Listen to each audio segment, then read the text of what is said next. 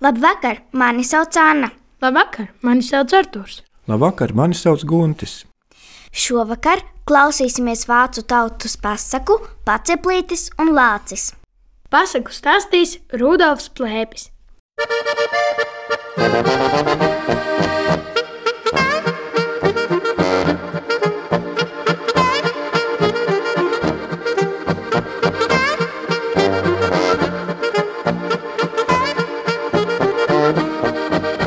Reiz vasarā Lācis un Vilks bija aizgājuši mežā pastaigāties.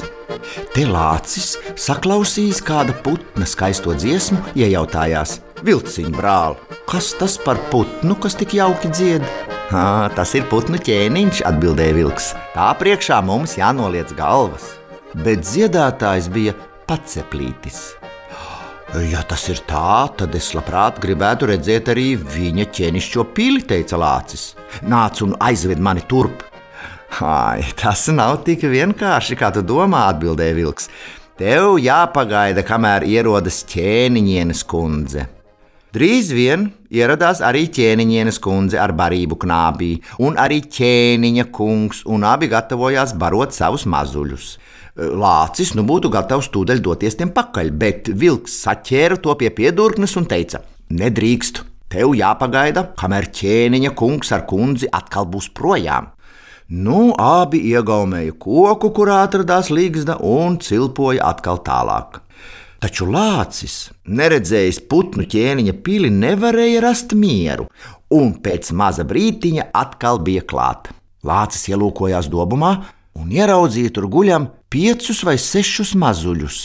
Un tā esot ķēniņa pilsēta. Tā ir pavisam nožēlojama pils, un jūs neesat nekādi ķēniņa bērni, tīrie bezgoži jūs esat. Jaunie paceplīši saniknojās un sāka kliegt. Nē, mēs tādi nesam. Mūsu vecāki ir godīgi ļaudis, par to tu lāci dabūsi. Lācis un vilks izbijās, metās projām un paslēpās savās alās. Jaunie paceplīši turpināja kliegt un trokšņot, un, kad atgriezās ar barību vecāki, sauca: Mēs nepieskarsimies nevienai mušas kājiņai un nomirsim badā, ja jūs nenoskaidrosiet, vai esam godīgi bērni vai nē. Te bija ieradies lācis un nosauca mūs par bezgožiem. Bet vecais paceplītis noteica: Esiet mierīgi, to mēs nokārtosim, un kopā ar ķēniņienes kundzi aizlidoja pie lāča alas, saugdams: Ak, tu, vecais rūkoņa! Kā labi nozākāja manus bērnus, par to tu dārgi samaksāsi. Asiņainā karā būs jānoskaidro, kam taisnība. Tā nu lācim bija pieteikts karš, uz kuru tika izsaukti visi četrkājaiņi vērši, govis, zirgi, ēzeļi, brieži, stirnas un vēl dažne dažādi citi zvēri. Pats ceplītis savukārt sasauca visus, kas lido pa gaisu, ne tikai putnus, lielus un mazus, bet arī odus, sirseņus, bites un mušas. Kad tuvojās laiks sākt karu, Pats Zeplītis izsūtīja izlūkus, lai noskaidro, kas iecelts par ienaidnieku ģenerāli. Ots, visviltīgākais būdams, lidinājās un lidinājās pa mežu, kurā pulcējās pretinieki, līdz beidzot apmetās uz koka lapas. Bet zem šī koka tika paziņota parole. Tur stāvēja lācis, spaidzināja priekšā lapsu un teica: Lapsa, tu esi vismanīgākā no visiem kustoņiem! Tev jābūt ģenerālim un jāvada mūs. Labi, atbildēja Lapsa, e, bet kādas zīmes mēs norunāsim? To neviens nezināja. Tad e, Lapsa teica: Man ir gara, skaista un kupla aste, kas izskatās gandrīz kā sarkans cekuls. Ja es turēšu asti paceltu, tad viss ritēs labi, un jums jādodas uz priekšu. Bet, ja es asti nolaidīšu, tad beidziet cik jaudas. Ots to visu izstāstīja paceplītim Matsmatā. Pienāca diena, kad bija jānotiek kaujai. Četrkājai no kustoņu pulks jau drāzās šurp, arī paceplītis ar savu karaspēku tuvojās pa gaisu, un tad abas puses devās viena otrai pretī. Bet paceplītis bija nosūtījis sirseni lejā Tām vajadzēja nosēsties lapsai uz astes un dzelt, cik spēka. Lapsa, saņemot pirmo dūrienu, sarāvās tā, ka pat vienu kāju pacēla, taču nocietās un turēja asti vēl augstu izslietu. Pēc otrā dzēliena lapsai aste uz mirkli nolaidās, bet pēc trešā dzēliena kūmiņš neizturēja, iekļiedzās un iežmiedza asti starp kājām. Pārējie zvēri to redzēdami nosprieda, ka viss zaudēts un metās bēgt katrs uz savu alu. Un tā putni bija kauju uzvarējuši. No ķēniņa kungs ar savu ķēniņiem devās māju pie bērniem un sauca: Bērni, priecājieties, ēdiet un dzeriet pēc sirds patikšanas, mēs esam karā uzvarējuši! Bet jaunie paceplīši atbildēja: Mēs vēl nēdīsim nekumosa, kamēr lācis neieradīsies, nelūgs piedošanu un neatzīs, ka esam godīgi bērni. Tad pats ceplītis aizlidoja uz lāča alu un sauca: Vecais rūkoņa, tev jānāk uz līgstu pie maniem bērniem lūgt piedošanu, un jāpasaka, ka viņi ir godīgi bērni, citādi tev ribas saspaidīšu. Lielās bailēs lācis aizvilkās uz līgstu un nolūdzās. Tikai tagad jaunie paceplīši bija apmierināti.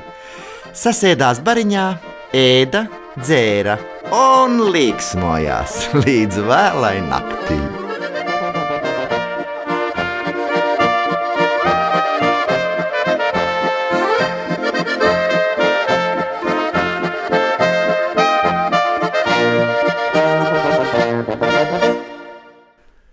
Atkal esam noklausījušies vienu ļoti interesantu pasaku. No cik daļām šī pasaka sastāvēja? No trim. Viena šī pasakas daļa bija tāda, kas pazīstama ar latviešu pasakās par to putnu un zvēru vai māju dzīvnieku un meža dzīvnieku karu. Kas jums tur likās tāds neparasts? Zvēri nevarēja uzvarēt putnus. Zvēri jau tie stiprākie taču, vai ne? Un putni tādi mazi un sīki un tomēr uzvarēja. Bet kāpēc viņi uzvarēja? Viņiem bija tāda parole, tad, kad lapsa asti turēs taisnu uz augšu, tad viņi uh, skries un cīnīsies cik spēka. Bet tad, kad lapsa nolaidīs asti, tad uh, viņi skries ko kaisnes. Ja mēs tā vispārīgāk, tad vājie labāk izmantoja pretinieku vājās vietas. It kā viņi bija tie vājākie, bet viņi izmantoja tos ieročus, kas viņiem ir, un zināja, kur pretiniekam tā vājākā vieta. Un tā vājākā vieta izrādījās, kur lapsai zemastis. Jā.